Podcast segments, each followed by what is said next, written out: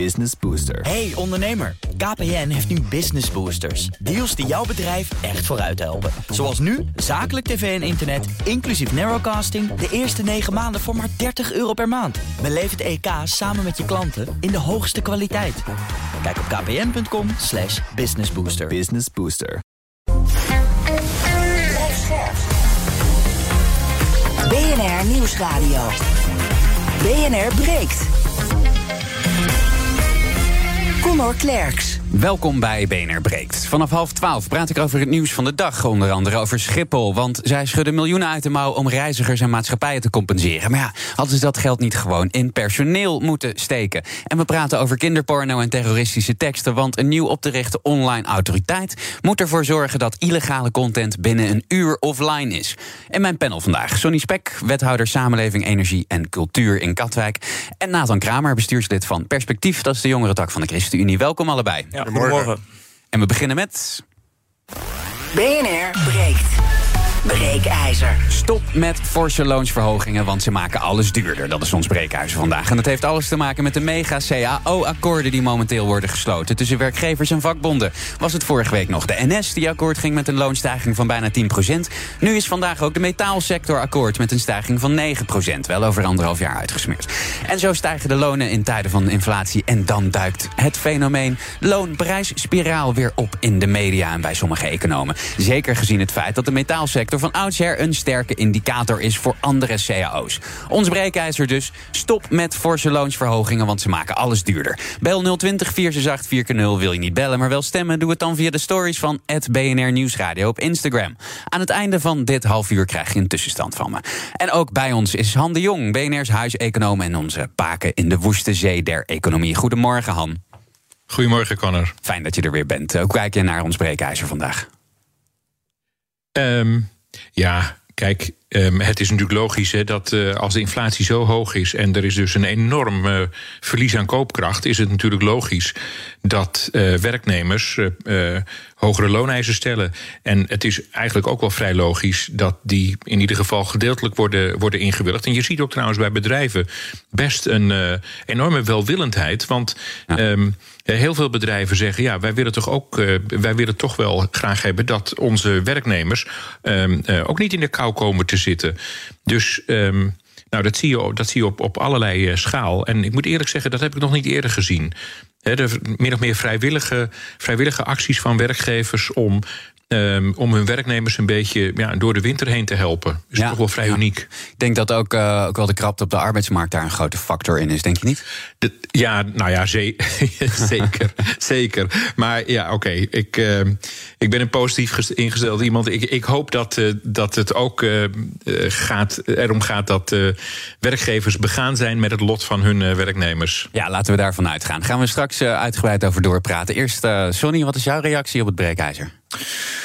Nou ja, ik denk dat het goed is uh, dat er nu uh, loonverhogingen gaan komen. Normaal gesproken wil je natuurlijk met inflatie dat het Rijk doelgerichte maatregelen neemt om inkomensgroepen die het zwaar hebben extra te ondersteunen. Dus echt doelgericht en niet zozeer generiek.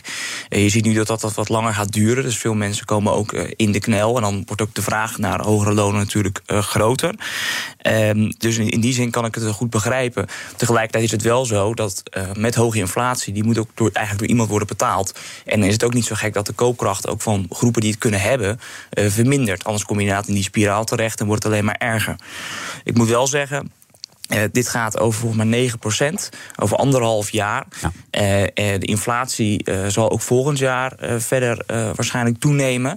Dus een volledige compensatie is het niet. Ehm, en wat ik wel zie ontbreken in dit verhaal... is dat natuurlijk ook heel veel andere factoren zijn... die de inflatie versterken. Als het gaat over de oorlog in Oekraïne en ook de ECB... de afgelopen jaren met de lage rentevoet... Ehm, denk ik dat we niet de schuld moeten geven aan de hogere lonen... om het zo maar te zeggen. Maar dat we dat wel echt in een totaalplaatje moeten zien. Ja. Um, en dat het nu wel echt nodig is. Hmm. Nathan, hoe sta je erin? Ja, uh, nou, ik kan me vinden in wat Sonny zegt. Uh, er moet ook worden bij gezegd van dat de werkloosheid is ook best wel laag... in vergelijking met andere sterke stijgingen van loon... in de afgelopen 50 nog wat jaar, zoals in de jaren 70 en 2008 ook wel een beetje.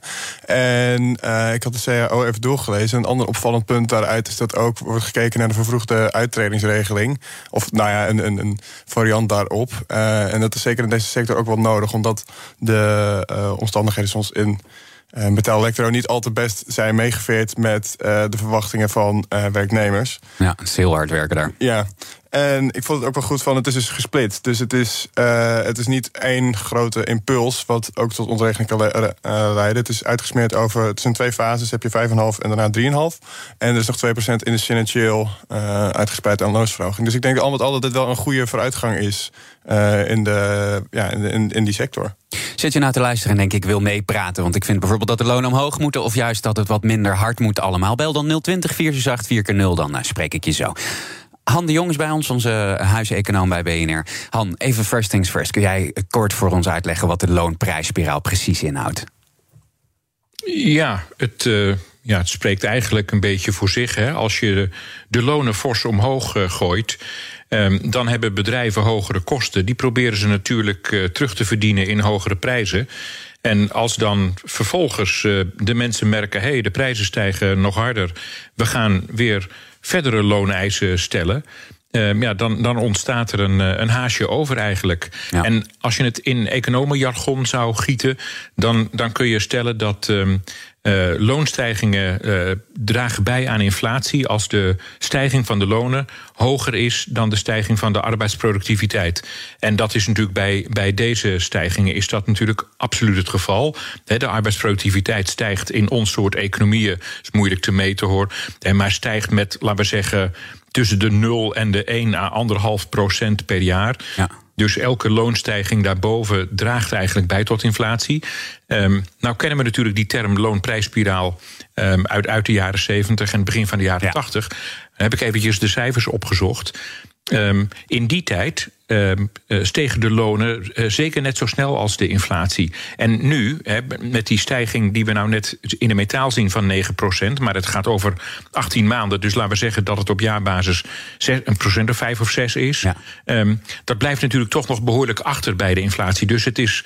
Ja, ik, ik zou zeggen, dit draagt wel bij tot een loon- en prijsspiraal, maar in veel mindere mate dan in de jaren 70. Ja. ja. Nathan? Ja, nee, ja, dat is, uh, dat is, ja, dat is inderdaad correct. En ook ja, die, die, die werkloosheidsverschillen met de jaren 70 en nu zijn ook wel noemenswaardig. Als in, er is er is meer zekerheid dat gewoon je, je werknemersposten gevuld kan krijgen. omdat er personeel is dat niet per se weg is. En misschien zijn er zelfs te veel posten. En is het juist uh, een mogelijkheid voor bedrijven om te innoveren. Dus ja, het, ik denk over het algemeen dat het best wel positief is. Ja, nee, het is ook zo dat natuurlijk eerder uh, bij de NS uh, hardhandig is uh, onderhandeld over de CAO. Die werd ook aangehaald in, in het artikel. Toen werd ook gezegd van moet er een koppeling worden gemaakt met de inflatie. Dat werknemers daar automatisch voor worden gecompenseerd. Nou, als je dat gaat doen, dan heeft dat denk ik ook nog een extra versterkend effect. Maar hier gaat het echt over een incidentele verhoging, om het zo maar te zeggen. Um, dus dat, dat is wel een andere zaak. Dus ik denk ook dat het goed is om daar ook de, de focus op te leggen. Gaan we naar de eerste beller en dat is vanmorgen Albert Jan. Albert Jan, goedemorgen, fijn dat je belt. Ja, goedemorgen. Uh, ja, ik ben het met de specialist deels eens. Uh, ik denk dat je veel meer naar sectoren moet gaan kijken waar je wel loonstijging kunt doen en niet. Er zijn sectoren die gewoon met heel weinig marge werken.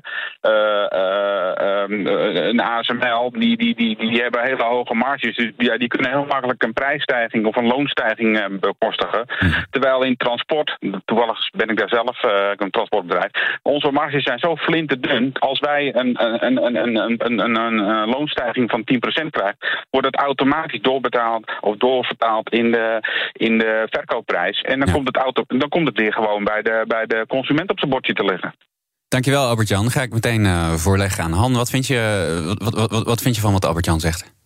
Ja, dat lijkt me op zich een terechte opmerking. Um, als je nou zou zeggen, ja, daar wil ik toch nog iets tegen inbrengen, dan zou je natuurlijk kunnen zeggen dat wat je natuurlijk eigenlijk ook niet wilt maatschappelijk, is dat er enorme inkomensverschillen uh, ontstaan tussen mensen, afhankelijk van de sector waarin ze werken. Ja. Um, he, dus dus um, ja, uh, ook sectoren waarin de marges allemaal wat uh, krapper zijn, ja, die zal toch mee moeten. En dan. Uh, ja, dan kan het niet anders dan dat, die, dat de kosten en dus de prijzen daarom hoog zullen gaan. Ja, en die, die sectoren waar die marges zo klein zijn, zou, zou je dit kunnen zien als een soort correctie daarvan? Dat dat eigenlijk dus economisch gewoon niet, niet goed is, dat die marges zo laag zijn, dat er, dat er zo weinig ruimte is? Nou ja, dat heeft natuurlijk alles te maken met de marktmacht en, en, de, en de concurrentiegraad. Ja. Ehm, en het, het, uh, het paradoxale is natuurlijk, hè, die, die, die meneer die, die haalt ASML aan. Um, ja, maar dat bedrijf heeft enorme marktmacht. Hij is bijna een, een monopolist. Mhm. Dus uh, ja, die, die, die kan het makkelijk uh, hebben. Maar, maar die kunnen natuurlijk ook makkelijk hun prijzen verhogen. Terwijl transportondernemingen dat misschien veel minder makkelijk kunnen. Dus er zit wel een zekere paradox in. Maar, die, maar uh, nogmaals, het blijft, het blijft heel erg vervelend om uh, grote inkomensverschillen te krijgen tussen mensen afhankelijk van de sector waarin ze werken. Mm Waar uh, volgens de berichtgeving in elk geval uh, economen bezorgd over zijn, is dat andere sectoren dit soort stijgingen ook zullen gaan moeten doorvoeren. Dat is eigenlijk dat concurrentiegeval. Maar dat dus niet kunnen betalen. Deel jij die zorgen? Ja, dat zit er natuurlijk dik in. Hè. Daarom was ik eigenlijk ook wat verbaasd over wat er bij de NS gebeurde. Ja. De, vorig, vorig jaar zijn natuurlijk diverse ambtenaren cao's uh, geweest. Um, nou, toen hield, de, toen hield het kabinet eigenlijk uh, de hand behoorlijk op de knip. En, uh, en nu werd er tegen de NS gezegd: Nou, jongens, kom op, niet al te kinderachtig. Nou is de NS een staatsbedrijf, uh, maar het is ook een bedrijf dat verlies maakt. En dan ga je dus een bedrijf dat verlies maakt, dat ga je nog aanzetten tot ja, hoge loonstijgingen. Um, nou, maatschappelijk uh, allemaal uh, heel goed te begrijpen. Maar, ja. maar ja, dat het dan vervolgens natuurlijk een soort olievlekwerking heeft in de hele economie, dat, uh, dat ligt nogal voor de hand, ja. Ja, en er, er zijn uh, sectoren die natuurlijk sowieso heel erg moeilijk hebben. Wat, wat, zou, wat zou je voor je zien voor bijvoorbeeld de bakkers, uh, die dus nu te maken hebben met die energiekosten, als, als die op een gegeven moment moeten gaan onderhandelen voor uh, de lonen. Ja, hoe los je dat op als je aan de ene kant zegt de, de maatschappelijke noodzaak is er, want mensen moeten gewoon hun rekeningen kunnen betalen, maar die werkgevers in sommige sectoren kunnen zelf hun rekening niet meer betalen. Wat kun je, kun je daarmee en welke knoppen kun je dan ja. draaien? Ja, dat, dat klopt. Ja, je noemt bakkers. Nou, ik voel mij aangesproken, want ik ben, uh, ik ben zoon van een bakker. Ja. Um, mijn, mijn ouders leven niet meer, maar ik ben blij dat ze dit niet hoeven mee te maken. Want mm. als je dat in nagaat, hè, in een bakkerij staat natuurlijk de oven de, elke dag van de week, behalve op zondag. Maar zes dagen in de week staat die oven aan. Nou, de energiekosten die stijgen de pan uit. Als die bakker ook nog een belastingsschuld heeft opgebouwd in de coronatijd, dan mag hij volgende week beginnen met zijn belastingsschuld terug te betalen. Ja. Um, um, per 1 januari gaan de minimumlonen om uh, 10% omhoog. Nou, in de, in de bakkerijwereld verdienen veel mensen het minimumloon. Dus die, dus die lonen stijgen heel fors voor die bakker. Ja. Um, plus het kabinet heeft besloten dat het bedrijfsleven een grotere bijdrage moet gaan leveren. Dus de zelfstandige aftrek gaat naar beneden. Dus de inkomstenbelasting gaat omhoog. Als die bakker zijn bedrijf in een BV heeft georganiseerd en hij slaagt erin toch nog wat winst te maken, dan gaat ook die vennootschapsbelasting van zo'n kleine BV gaat omhoog. Dus ja, die, die, ja, een bakker die is echt helemaal de pineut. En wat kun, wat kun, je, daar, uh, wat kun je daar nog tegen doen? Kan Den Haag nou ja. daar nog, nog iets aan veranderen voor die mensen? Ja, kijk, uiteindelijk is natuurlijk toch het grootste probleem... is eigenlijk die, die verdraaide gasprijs. En dan moet ik zeggen, ja. de verdraaide Europese gasprijs. Um, uh, en gezinnen worden nu natuurlijk, die krijgen dat, dat, dat plafond. Uh, voor een bepaalde hoeveelheid uh, uh, afname. Um, ja, wat ik begrijp is dat men voor het MKB ook bezig is met zo'n regeling. Mm -hmm. um, maar dat is, ja, dat is natuurlijk buitengewoon ingewikkeld. Want ja, ga er maar eens aan staan. Hè. Wat is nou een gemiddeld ge, verbruik voor een, voor een bedrijf? Ja. En dat, dat zou de overheid denk ik ook heel veel geld gaan kosten. Al weet natuurlijk niemand hoeveel. Want dat hangt helemaal af van het verschil tussen de garantieprijs en de, en de marktprijs. Die marktprijs die springt als een wilde op en neer. BNR breekt. Conor Klerks. Je luistert naar BNR Breek. Met vandaag aan mijn panel Sonny Spek, wethouder Samenleving, Energie en Cultuur in Katwijk. En Nathan Kramer, bestuurslid van Perspectief. Uh, dat is de jongere tak van de ChristenUnie. Ook bij ons is Han de Jong, BNR's huiseconoom. En we praten over het breekijzer. Stop met forse loonsverhogingen, want ze maken alles juist duurder. Wil je daarop reageren? Bel dan 020 468 4 of stem in de stories van BNR Nieuwsradio op Instagram. Han, um, ja, je noemde net al het minimumloon. Hè? Dat, dat, dat gaat stijgen. Dat is uh, een. een ja, als je het wil hebben over, over loonstijgingen. Bij, bij het minimumloon is het gigantisch eigenlijk. Als je het in procenten uitdrukte. Van, uh, ja, als je het naar, naar um, bijvoorbeeld wat, wat, wat de linkerkant van de Kamer ook wil. Die wil het zelfs doortrekken naar 14 euro. Dat zou in Europa hoor je dat ook. Dat dat een eerlijke prijs zou zijn voor arbeid. Maar ja, dan, dat is een stijging van 25 procent. Is dat dan niet heel gevaarlijk? Nou ja, dat is natuurlijk voor sectoren waar veel mensen werken die tegen het minimumloon werken. Um, en dat, ongetwijfeld kun je zeggen dat dat nodig is en dat het redelijk is, et cetera. Maar voor die bedrijven is dat natuurlijk een, eh, een hele forse stijging van hun kosten.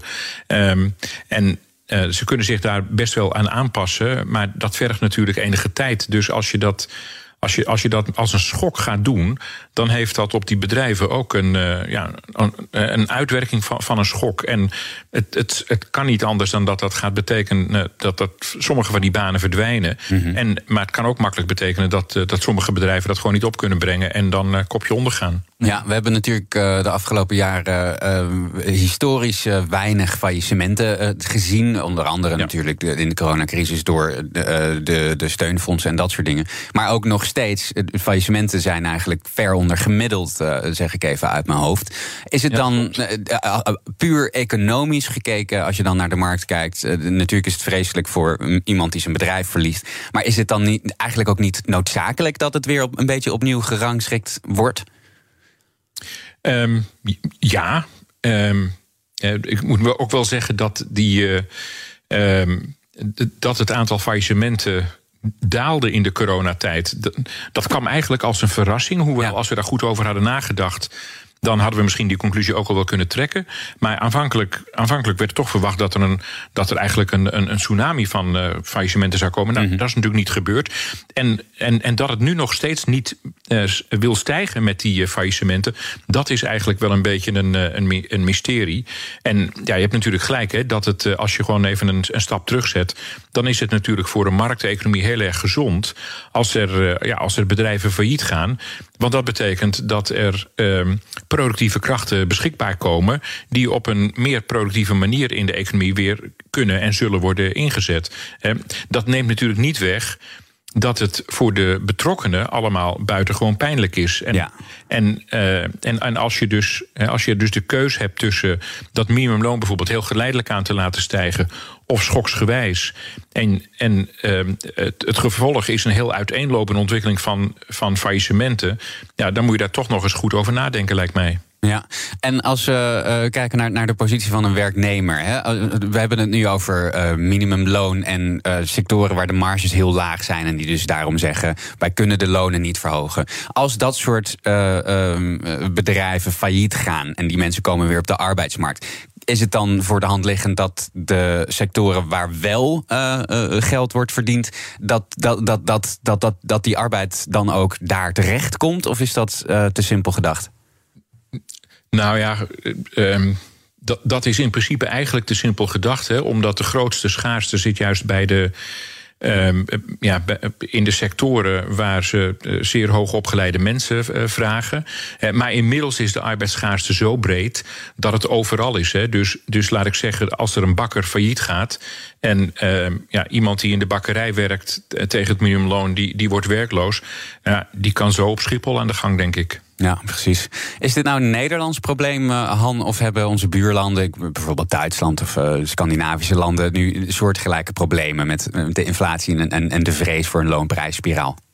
Ja, de, nou ja, de inflatie zie je natuurlijk overal. Uh, is overal hoog. Is bij ons wel hoger dan in landen om ons heen om een aantal redenen. Maar, maar eigenlijk overal is die inflatie zo hoog. In Europa Um, meer dan elders vanwege de gasprijs, omdat de Europese gasprijs meer is opgelopen dan die elders. Ja. Um, en wat je ook ziet eigenlijk is dat overal arbeidsschaarste is. En de, um, in uh, het CBS rapporteert, rapporteerde over het tweede kwartaal, geloof ik, dat er 133 uh, vacatures zijn voor 100 uh, werklozen. Maar in de Verenigde Staten is die verhouding 200 tegen 1 ongeveer. Mm. Dus, dus uh, je, ziet die, je ziet eigenlijk de problemen die wij hebben, die zie je eigenlijk overal. En, de, en je ziet ook overal eigenlijk de loonstijging versnellen. Ja, we zagen ook in de CBS-cijfers die vandaag uitkwamen dat uh, in het uh, tweede kwartaal um, de bedrijfswinsten in Nederland uh, het hoogst ooit gemeten zijn. De vakbond, daar moest ik laatst om, wel, een beetje om lachen. Vorige week hadden we Tuur Elzinga te gast. Die had het over een winstprijsspiraal. Is dat nou handige spin of zit daar wat in? Ik vind dat daar wel wat in zit, omdat. Um Uh, ja, ik wijd dat eigenlijk aan de hoge inflatie. Wat je, kijk, wat je je kunt voorstellen, hè, als, de, als de inflatie heel erg laag is, dan valt het natuurlijk op als er een bedrijf opeens zijn producten 5% duurder maakt. Ja. Maar nu de inflatie 12% is, valt zo'n prijsstijging van 5% helemaal niet op. En, en wat je dus nu ziet, is dat ook bedrijven die te maken hebben met kostenstijgingen van, van minder dan dat, die verhogen toch hun prijzen. Dus er zijn bedrijven die zijn op het ogenblik in staat door de, ja, ik noem dat de inflatiechaos. Um, uh, door die inflatiechaos zijn ze in staat om hun, om hun winstmarges te verdedigen of zelfs mhm. nog uit te breiden. Dus ik denk dat er zeker wel sprake is van enige winstprijsspiraal. Uh, maar als je praat over de totale eh, bedrijfswinsten. Je zegt net, ja, op recordhoogte. Maar onze economie is ook op recordhoogte. Dus je moet eigenlijk naar ratio's kijken. En als je dat doet, dan zie je ook in de cijfers van het CBS van vandaag dat, die, dat, dat de winstquote in de economie uh, helemaal niet stijgt. Die is zelfs ietsjes gedaald. Hmm. Um, dus het, ja, ik vind het een beetje een, eh, een spin om te zeggen dat die winsten zo torenhoog zijn en, en dat, dat daaruit maar heel veel bekostigd moet worden. Want de ratio's uh, suggereert dat eigenlijk niet. Sonny. En ja, Han, ik had ook een korte vraag. Um, want net een inbedder had het over de marges. Hè. Dan bepaalde sectoren zijn de marges gewoon een stuk kleiner dan in andere sectoren. Welke rol kan of moet Den Haag daarin spelen om toch te gaan kijken of dat misschien eerder kan worden verdeeld? Om juist de druk bij de sectoren waar de marges wat kleiner zijn, om die te verlichten. En misschien de bedrijven, nou ja, zoals we nu ook zien met de coronacrisis, hè, en daarnaast heb daarvan die forse winst te maken. Um, om daar misschien ervoor te zorgen dat het een eerlijkere verdeling is. Kan dat of zie je daar weinig mogelijkheden?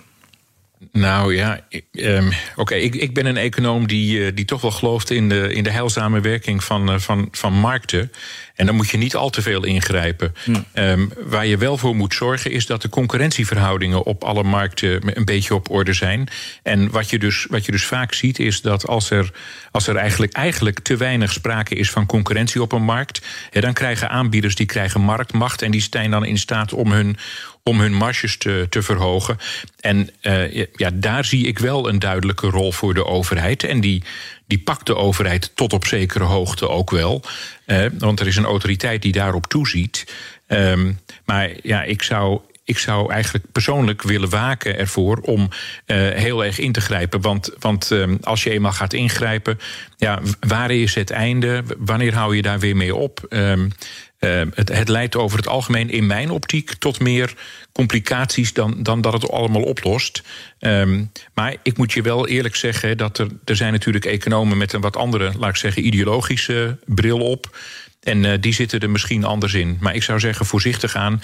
En uh, kijk vooral, of zie er vooral op toe dat, uh, dat er voldoende concurrentie overal is.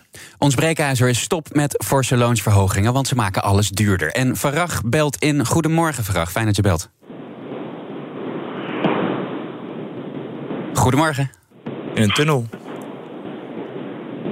Oh, dat is jammer. Nou, dan horen we vast een andere keer van uh, wat hij uh, erover denkt. Ondertussen kun je nog de hele dag stemmen op uh, Instagram. Inmiddels is de stand 49% eens. Dus we zitten eigenlijk heel erg dicht in het midden. De helft vindt dat de lonen wel omhoog mogen en de helft niet. Zometeen gaan we het over Schiphol hebben. En we gaan het hebben over een nieuwe autoriteit die online moet toezien op het verbannen van bijvoorbeeld kinderporno en terroristische teksten. Gaan we allemaal zo doen. Eerst nog een dankwoord aan Han de Jong, onze eigen huiseconoom. Hartstikke bedankt bedankt, uh, Han, voor al je uitleg. En uh, de rest hoor je zometeen in BNR Breekt. Business Booster. Hey ondernemer, KPN heeft nu Business Boosters. Deals die jouw bedrijf echt vooruit helpen. Zoals nu, zakelijk tv en internet, inclusief narrowcasting... de eerste 9 maanden voor maar 30 euro per maand. Beleef het EK samen met je klanten in de hoogste kwaliteit. Kijk op kpn.com slash businessbooster. Business Booster. Een berichtje van Odido Business. Hoe groot je bedrijf ook is of wordt... Bij Odido Business zijn we er voor je. Met unlimited data en bellen en met supersnel en stabiel zakelijk internet. Ook via glasvezel. Ontdek wat er allemaal kan op odido.nl slash business.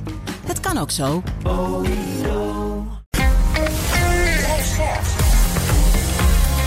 BNR Nieuwsradio. BNR breekt. Conor Klerks. Met in mijn panel vandaag Sonny Spek, wethouder Samenleving, Energie en Cultuur in Katwijk. En Nathan Kramer, bestuurslid van Perspectief, de jongerentak van de ChristenUnie. En uh, we beginnen met. Een hele drukke week. In Engeland begonnen we maandag met de begrafenis van Queen Elizabeth.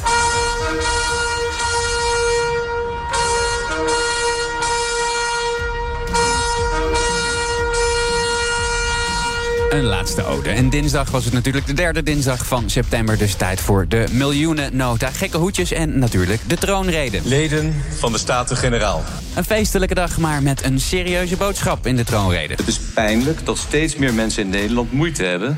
met het betalen van een huur, boodschappen, zorgpremie of energierekening. Daarom komt het kabinet met een ongekend fors maatregelenpakket van ruim 18 miljard euro. Vooral ten behoeve van de lage en de middeninkomens. Maar zelfs daarmee kunnen niet alle prijsstijgingen voor iedereen volledig worden gecompenseerd. Een positief randje aan deze Prinsjesdag. Het was de eerste en sinds lange tijd zonder coronabeperkingen. Hoera! Hoera! Hoera!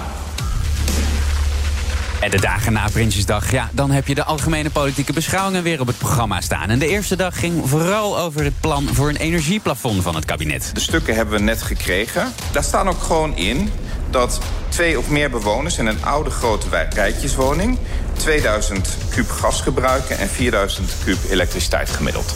En met de cap die er gekozen wordt, die op de helft ligt, is deze groep mensen die in een uh, oude, tochtige huurwoning woont, wordt niet bereikt. Gewoon niet. Er was een inhoudelijk debat, maar dat werd helaas overvleugeld door de bijdrage van Thierry Baudet. Die insinueerde dat minister Kaag op een spionnenschool zou hebben gezeten. Het kabinet liep daarop uit de Kamer. En deze uitspraken gingen volgens premier Rutte over de grens. Ik had niet snel, maar in dit geval snap ik duizend procent reactie van mijn collega. Ik voelde het precies zo. En toen zei zij, ik stap op. Toen zag je eigenlijk ons allen naar elkaar kijken en zeiden we laten haar niet alleen gaan. En donderdag was het aan Rutte om te reageren in de Kamer. Ook nu stonden de koopkrachtcrisis en de hoge energieprijzen centraal in het debat. Hij ging door het stof omdat het kabinet laat reageerde op deze situatie. Heeft het kabinet hier dan helemaal foutloos geopereerd? Wat ik mezelf verwijt is dat ik niet eerder in de Europese Raad met collega's heb gezegd... gegeven de snel oplopende energieprijzen... moeten we nou eigenlijk niet met elkaar mensen op dit punt meer verruiming mogelijk maken. Ik, ik was daar gewoon onvoldoende op geïnformeerd of deskundig op dat moment. Dus dat zou je mij kunnen verwijten. En de Kamer wilde ook perspectief voor het MKB. Maar bedrijven moeten nog even wachten van Rutte. Het is gewoon complex eh, om die groep te bereiken. Je praat over de bakkers en de zwembaden... En, en nog een paar sectoren die ik allemaal niet hier wil gaan noemen. Je kunt niet zomaar gebruik maken van de oude codes... zoals we die hadden in de, uh, in de coronatijd. Dus het is echt ingewikkeld. Maar er wordt fris hard aan gewerkt. Ja, ik kan nu ook niet meer toezeggen dan dat we dit willen. Maar dat de minister van Economische Zaken en Klimaat daar volop mee bezig is.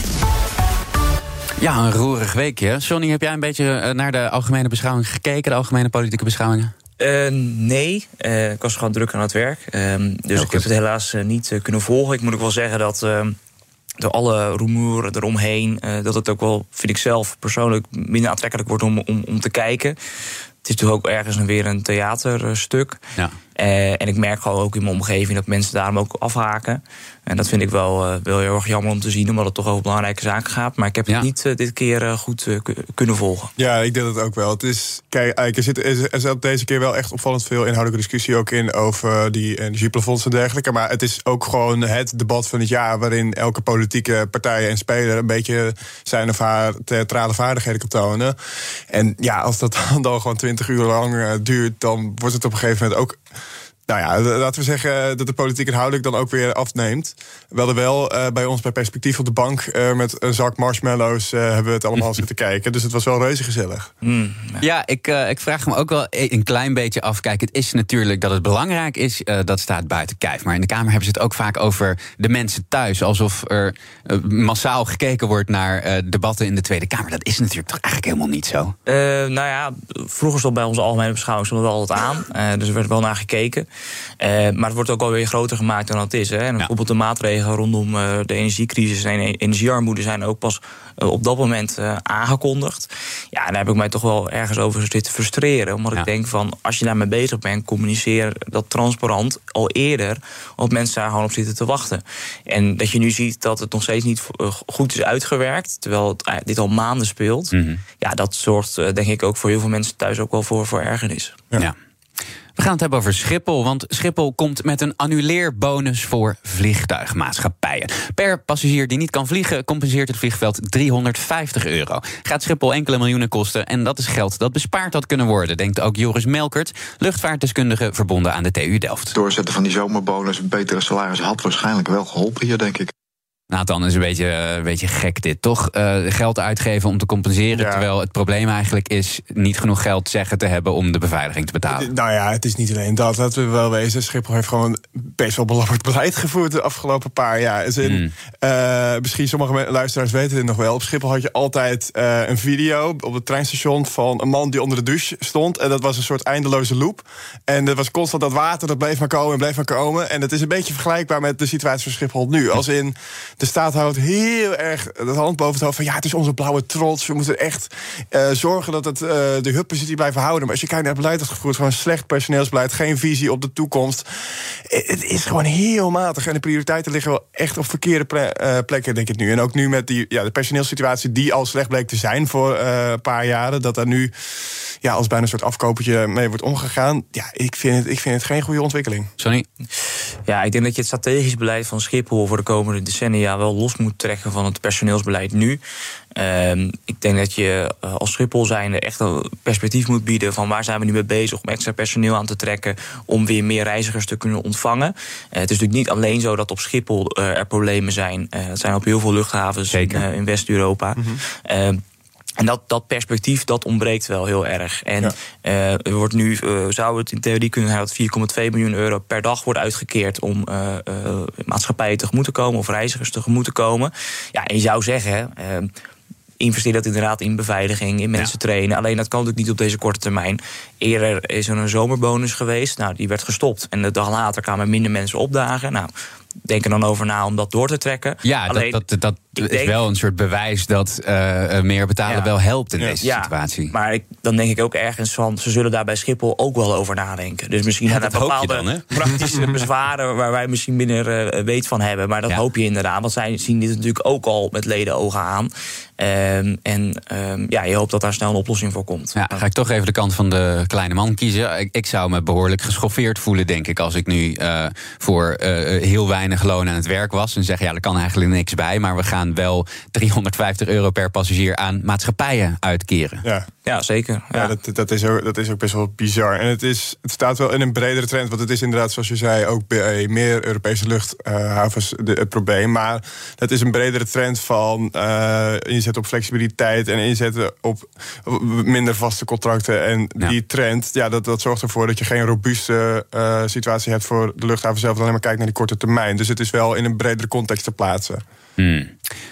Gaan we naar uh, iets totaal anders. Want er komt een nieuwe autoriteit om illegale content online binnen een uur offline te halen. De autoriteit online terroristisch en kinderpornografisch materiaal, de ATKM, wen maar vast aan die afkorting, zal dit jaar nog het levenslicht uh, moeten zien. En de taak van die nieuwe, la, laten we internetpolitie noemen, is om social media platformen en internetproviders op te laten treden tegen illegale content.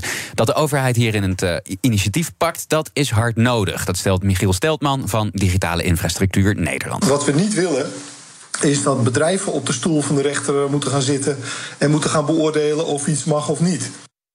Nathan, hoe kijk je hier naar? Ja, nee, daar heeft hij gelijk in. En het, het is ook nog uh, noemenswaardig dat. Uh, wel, kijk, het, het, doel op zich is nobel natuurlijk. Als in kinderporno moet, moet gewoon de wereld uit. Het ding is, als je die bedrijven uh, in, in, in, een soort politierol laat schieten, die weten ook niet altijd uh, die dingen goed te beoordelen. Er is een geval geweest in Amerika van iemand uh, wiens zoon, ja, nou, die, die, die had problemen met zijn, met, met zijn penis. En die had daarvoor foto's naar zijn huisarts gestuurd. Ja. Nou, bij Google gingen daar opeens allemaal alarmbellen af. En die hebben zelfs de politie ingeschakeld voor die man. En gelukkig was hij softwareontwikkelaar, dus hij wist wel een beetje wat er aan de hand was. Mm -hmm. Maar dat soort risico's, die, die lopen er. En dat is een reden waarom de politie ook al een grote zedenafdeling heeft met psychologische training ook voor de medewerkers. Ja. Want het is niet zomaar dat je denkt van, oh, we gaan nu opeens alles even controleren en het komt wel goed. Zo makkelijk is het niet. Nee, dus je moet ook uh, voor deze autoriteit moeten er goede waarborgen zijn dat ook zij goed worden gecontroleerd. Um, en waar ik mij wel zorgen over maak, want inderdaad, de originele intentie lijkt me goed. Hè, ook als er bijvoorbeeld sprake is van opruiende teksten uh, die tegen de wet ingaan. Dat je daar in ieder geval weet van hebt, dat daar op kan worden gehandhaafd. Want nu zijn die handhavingsmiddelen uh, beperkt. Mm -hmm. ook voor uh, bijvoorbeeld de burgemeester. Ja. Alleen, er wordt ook aangegeven van ja, we willen dit eigenlijk voor meer content gaan doen. En ja, we willen je bij de Europese richtlijnen volgen. Ja, en daar krijg ik zelf wel een beetje kriebels van. Van ja, hoeveel invloed heb je dus op de Europese richtlijnen? In hoeverre, hoe breed wordt dat straks geïnterpreteerd? Mm. wat voor andere content hebben we het dan over? ja, daar moet je wel heel scherp op zijn, omdat je niet wil dat er straks zaken worden tegengehouden van je eigenlijk denkt van ja, maar dit gaat eigenlijk over vrijheid van meningsuiting bijvoorbeeld. Of dit is uh, eerder uh, beledigend, maar we vinden dat ook dat dat moet kunnen.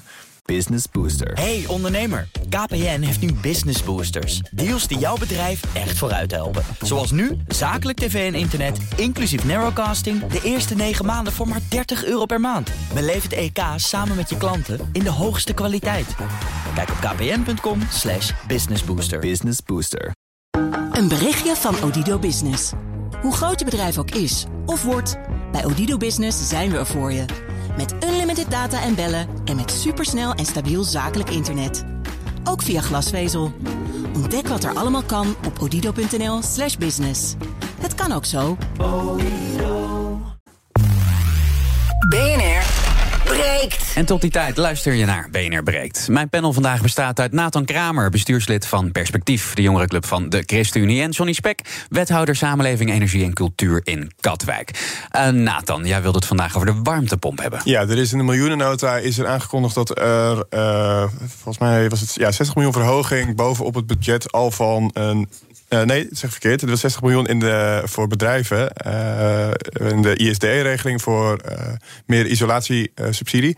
en dit is bovenop alle op regelingen. En je hebt ook in het Nationaal Isolatieprogramma... is er 300 miljoen bijgekomen voor huishoudens om hun woning te isoleren. Mm -hmm. dit zijn vrij forse bedragen. En ik, maar ik vind het wel een goede trend. Mijn vrees is e-, echter dat er bij bepaalde gemeenten... dat sommige bewoners niet weten waar ze hun middelen moeten halen. En dat daar nog wel wat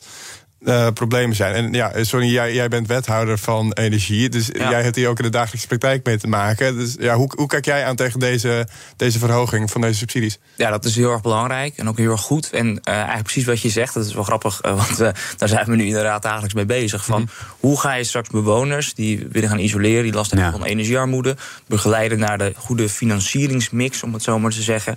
Dat ze hun woning ook daadwerkelijk kunnen gaan isoleren. nou, een deel daarvan zal de ISD E zijn. Dat is ongeveer 30% van de investering die je doet. Als het gaat over isoleren. Maar ja, heel veel bewoners die last hebben van energiearmoede, die kunnen dat dan alsnog niet dragen. Dus dan moet je ook nog eens denken aan bijvoorbeeld gemeentelijke subsidies die je kan gaan verstrekken. Of uh, duurzaamheidsleningen met uh, een rentepercentage van nul. Ja. Uh, nou, noem maar op. Dus dat, het is een, daar een heel belangrijk onderdeel van. En ik vind het goed dat dat ook eindelijk dat isoleren nu eindelijk van de grond ook komt. Hè. De afgelopen jaren hebben we het heel erg veel gehad over de PAW, het programma Aardgasvrije Wijken. En je ziet gewoon dat je eerst moet isoleren om dat uiteindelijk op, op termijn voor elkaar te krijgen. Dus dat er nu ook aandacht is voor die eerste goede stap. Juist ook om die energiearmoede tegen te gaan, vind ik eh, heel erg goed. Ja, ja. ja mensen die. Uh, uh, je hebt natuurlijk met, met warmtepomp, ook met isolatie. Het is gewoon vrij duur. Maar je zou ook kunnen zeggen, als gemeente kun je ook schaalvoordeel krijgen. Zie jij er iets in om bijvoorbeeld straat voor straat gewoon de boel af te werken? Ja, dat is, een, dat is een hele goede vraag. En dat is ook precies de vraag waar, wij mee worstelen. Van, mhm. Als je dat natuurlijk gaat doen, dan neem je ook heel veel huishoudens mee... die het in principe of zelf kunnen bekostigen... of die het op dit moment niet echt heel hard nodig hebben. Eh, omdat ze bijvoorbeeld al een vrij goed geïsoleerd huis hebben. Want we zien dat van energielabel van E naar bijvoorbeeld C... dat is natuurlijk een, een kleinere investering... dat je op een gegeven moment naar, een volledig eh, hybride... of naar een warmtepomp gaat. Mhm. Dus dan neem je ook heel veel huizen mee waar je inzet voor moet tonen die nog niet direct nodig hebben. En wat wij op dit moment als uitgangspunt hebben dat we willen gaan zoeken naar de mensen die het nu het hardst nodig hebben. Zodat je daar de grootste winst kan uh, bereiken. Ja, het, het, vraagt ook wel om een stelselmatige oplossing. En ik, bij bijvoorbeeld woningcoöperaties ligt er nog wel een grote opgave. Omdat veel van hun, ja, heel veel van de aantal woningcoöperaties is ook vrij uh, niet altijd, altijd best geïsoleerd. En daar denk ik wel dat daar bijvoorbeeld meer fondsen en meer beschikking voor zouden kunnen zijn. Je zit, je zit hier te twijfelen. Ja, kijk, dat, dat hoor ik vaak. En ik begrijp dat heel goed. Want heel veel mensen die in sociale huur zitten, hebben ook last van energiearmoede. Ja. Maar woningbouwcorporaties hebben de afgelopen jaren al wel stelselmatig ingezet in het verbeteren van een woningvoorraad. Ook wel in Katwijk. en eh, waar, waar de grootste problemen nu eigenlijk niet ontstaan, zijn is particuliere huur en uh, koop van mensen die eigenlijk de afgelopen jaren niet veel in een woning hebben kunnen of willen investeren. En die komen nu in de problemen omdat ze nu die stijgende energielasten zien. En daar moet je ook op, op gaan inzetten. Maar uh, het is lastig, want energiearmoede zit niet per se bij een directe inkomensgroep, maar gaat eigenlijk door de hele samenleving heen. Omdat het vooral eh, te maken heeft met hoe je, hoe je woning natuurlijk is. Hoe je woning is wanneer je contract hebt afgesloten. Precies, ja. ja. ja. Sonny, jij wilde het hebben over de situatie in Iran. Ja, ja dat is natuurlijk de afgelopen dagen is het al uh, is het een beetje ondergesneeuwd in Nederland door de, door de algemene beschouwingen. Ja. Uh, maar daar is uh, nou, ongeveer een week geleden is daar een jonge vrouw van 22 overleden ehm, vanwege het verkeerd dragen van haar hoofddoek, Marcia Amini. Ja, waarschijnlijk politiegeweld. politiegeweld, ja. En daar is nu, zijn nu veel demonstranten de straat op gegaan, veel protesten ook geweest. je ziet dat er weinig beelden doorkomen, ook vanwege, het, vanwege de censuur vanuit, mhm. vanuit Iran. Maar ik vond het toch belangrijk om het nog een keer hier aan te stippen. Dat ik ook denk dat het goed is dat de Nederlandse politiek hier zich over uitspreekt. Mhm. Omdat we het vaak hebben over uh, politiegeweld in andere delen van de wereld. En dat wordt naar voren gehaald. Ehm, maar dit is hier ook een voorbeeld van. En het is belangrijk om, om te laten zien wat daar gebeurt. Ook om als steun uit te spreken uh, naar de Iraanse bevolking toe. Uh, de BBC heeft genoemd de grootste protesten van de afgelopen jaren. In 2019 zijn in Iran ook al grote protesten geweest vanwege de stijgende energielasten. Ja. Uh, en um, ja, ik denk dat het goed is dat de Nederlandse politiek daar ook aandacht voor, uh, voor uh, vraagt. Um, omdat het enorm schrijnend is. En uh, dat de mensen daar met een enorm goed doel zijn om meer vrijheden te, te krijgen. Um, om zich te mogen kleden zoals ze zelf willen. Ja. Nou, en dat is iets wat voor mij onze steun wel uh, verdient. Ja, het is ook wel, dit zijn wel echt heel grootschalige protesten. Als in, er zijn er bronnen die het vergelijken met 1979, uh, ten tijde van de Iraanse revolutie. En het, het, ding is wel van Iran heeft wel een zekere vorm van liberalisering gekend de afgelopen paar jaar. Maar het opvallende eh, het, het, kan, het kan twee kanten opgaan. Of het kan nu echt een doorbraak betekenen in uh, Iran uh, qua vrijheden, qua individuele vrijheden en dergelijke. Of het kan de andere kant uitslaan dat er een repressie komt. En dat is nu het spanningsveld waarin het zich verkeert. Maar ik denk wel dat het eigenlijk de eerste kant op gaat, als ik eerlijk ben. Hmm. Ja, we hebben natuurlijk in 2019, of 2009 hebben we al de, de groene revolutie gehad, toen met mm. Ahmadinejad. Uh, en um, het is de vraag in hoeverre men daar ook echt kan doorpakken. Uh, want Iran is eigenlijk de afgelopen jaren al natuurlijk eh, sociaal zeer instabiel geweest. Maar ehm, daarom is ook juist die steun vanuit het Westen belangrijk om te laten zien van we zijn met jullie en we steunen jullie. Alleen het is wel ja, zaak van de Iraanse bevolking om, het, om dit zelf op te pakken. Want het Westen kan uiteindelijk niet veel doen behalve steun uitspreken. de Verenigde Staten heeft wel sancties aangekondigd voor de mensen die betrokken zijn bij de veiligheidsdiensten. Mm maar ook op andere manieren kan je natuurlijk die mensen helpen. Nu zie je dat sociale media offline worden gehaald. Of het internet offline wordt gehaald. En misschien bijvoorbeeld Elon Musk had al gezegd... van nou, misschien kan ik daar wel weer een rol in spelen. Ja. Dat zijn wel interessante uh, ontwikkelingen. Zeker, zeker. Ik ben uh, bang dat we voor vandaag uh, door de tijd heen zitten. Ik geef zo meteen het woord natuurlijk aan Toon Gerbrands.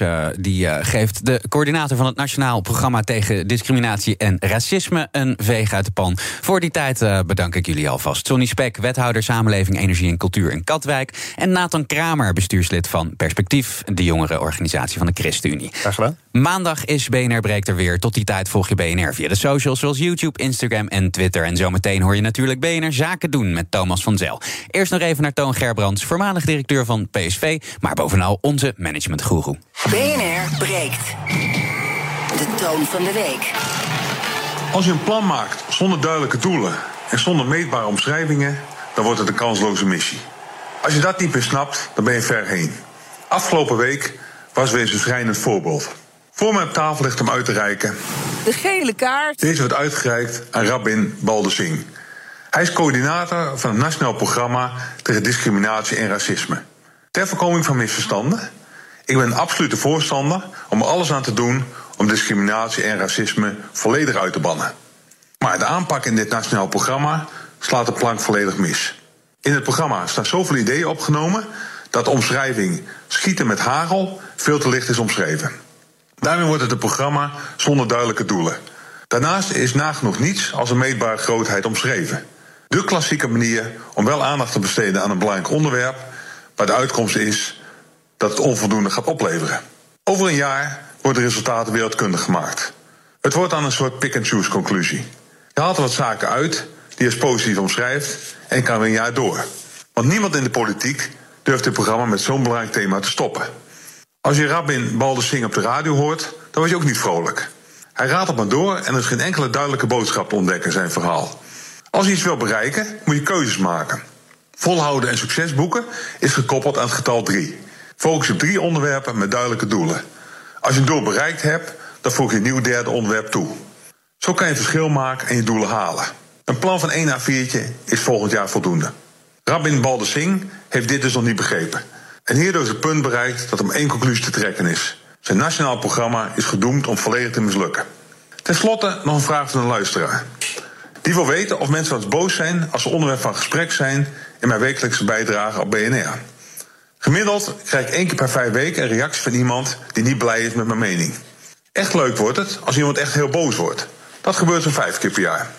Dan krijg je allerlei verwensingen naar je hoofd geslingerd. Dat is voor mij het signaal dat ik het bij het rechte eind heb. Als je echt iemand weet te raken, dan is het ego aangetast. En dat is een groot compliment voor een columnist. Ik hoop nu wel dat deze ontboezeming geen dempend effect heeft op de reacties die ik in de toekomst nog ga krijgen. Op naar de volgende week van Toon. Ik kijk uit naar reacties en suggesties.